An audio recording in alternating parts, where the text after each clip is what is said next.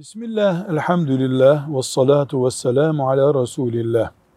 Şükür etmek çokça kullanılan bir ifadedir. Şükret. Kur'an'da diyor, Peygamber Efendimiz de diyor. Biz de insanlar olarak şükürden söz ediyoruz. Şükür nedir?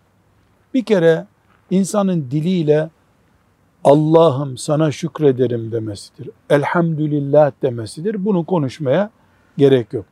Ama şükrün derinliği kalptedir. Ne demek? Allah bir nimet vermiş, çocuk vermiş, mal vermiş, sağlık vermiş. Bunun şükrünü yapmak demek kalbinde yani iç dünyada bunu Allah'ın verdiğini bilmek demek. Onu veren Allah'ı sevmek demek. Verdiği kadarına kanaat etmek demek. Diğer mümin kardeşlerimde de bu olsun diye düşünmektir. Ve insanlara teşekkür etmek, iyilik yapana teşekkür ederim demek de Allah'ın bizden istediği teşekkürlerdendir.